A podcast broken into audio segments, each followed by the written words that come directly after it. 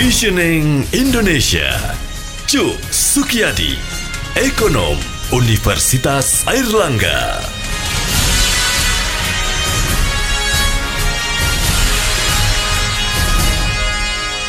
Mitra bisnis BPJS Kesehatan mengatakan siap menjamin biaya pelayanan kesehatan untuk pasien positif terinfeksi virus corona COVID-19. Namun menurut Direktur Utama BPJS Kesehatan Fahmi Idris, kesiapan tersebut masih terganjal aturan Perpres nomor 82 tahun 2018 tentang jaminan kesehatan yang menyebutkan pelayanan kesehatan akibat bencana pada masa tanggap darurat, kejadian luar biasa atau wabah tidak dijamin program jaminan kesehatan nasional.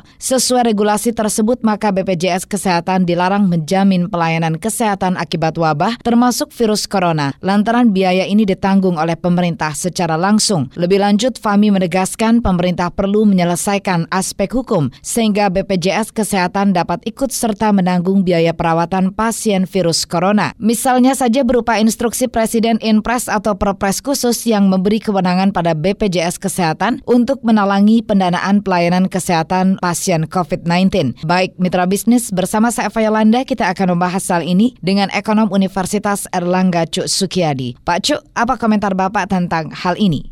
Oh, gampang aja. Kalau pemerintah punya duit ya, yang punya pemerintah yang dianggarkan untuk menanggulangi wabah ini, ada uangnya pemerintah duit, salurkan aja supaya BPJS juga nggak nggak repot-repot. Rakyat juga punya kepercayaan. Jadi kalau oh, saya sakit langsung gitu aja. As simple as that. Presidennya ada, presidennya kan bisa diskresi kan bisa dalam keadaan force majeure itu ada diskresi, hmm. ya kan? Mekah aja ada, ada umroh gitu kok. Jadi itu harus berpikir begitu, jangan berpikir struktural, gampang aja. that.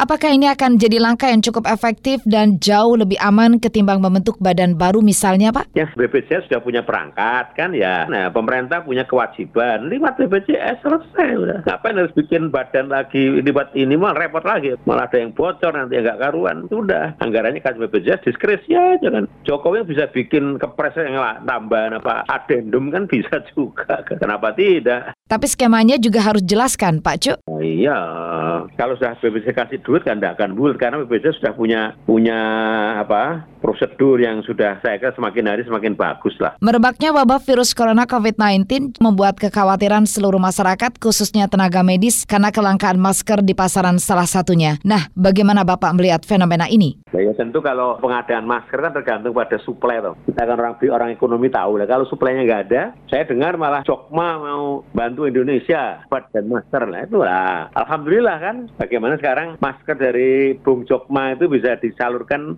kepada mereka-mereka yang membutuhkan dengan tepat dan cepat kan gitu aja. Saya kemarin cari masker juga nggak ada toko-toko. Memang suplainya nggak ada dan memang kita tidak bersiap untuk apa itu menghadapi wabah yang sifatnya nasional dan tidak hanya nasional tapi global begini kan. Baru sekarang kan kita ngalami seumur umur kan. Lalu pembelajaran seperti apa yang bisa kita ambil dari upaya Tiongkok menangani wabah ini Pak? Kita kalau melihat kita kagum ya. Saya tahu Tiongkok Pak. Bangsa itu berubahnya sangat cepat sekali dari bangsa yang sama-sama underdeveloped country sama kita sekarang jadi bangsa maju. Itu yang harus menjadi inspirasi kita gitu loh. Jadi ada juga unsur-unsur kerelawanan gitu ya. Jadi tenaga medis dan dokter juga hanya ber, jangan berpikir, waduh saya ini tidak diperhatikan, nanti tambahan HR saya bagaimana, jangan begitu. Coba lihat, apakah tenaga medis di Tiongkok itu berpikir begitu? Ya dah, itu kalau saya lihat tadi di video ada yang dari seluruh Tiongkok dikerahkan kan ke Wuhan itu, dan baru sekarang mereka setelah Wuhan selesai mereka pulang. Mereka di Wuhan selama hampir dua bulan masing-masing. Coba, masa mereka mikir, wah nanti aku dapat HR berapa nanti? Enggak, kita kan mesti harus mendapat inspirasi dari sana. Ya, kita harap pemerintah memperhatikan, tapi bukan hanya itu saja yang perlu. Ya, tapi tadi, apakah kita sebagai orang yang mempunyai kemampuan, kita memang punya niatan untuk juga membantu negeri dan bangsa ini serta manusia ini untuk bisa lepas dari ancaman virus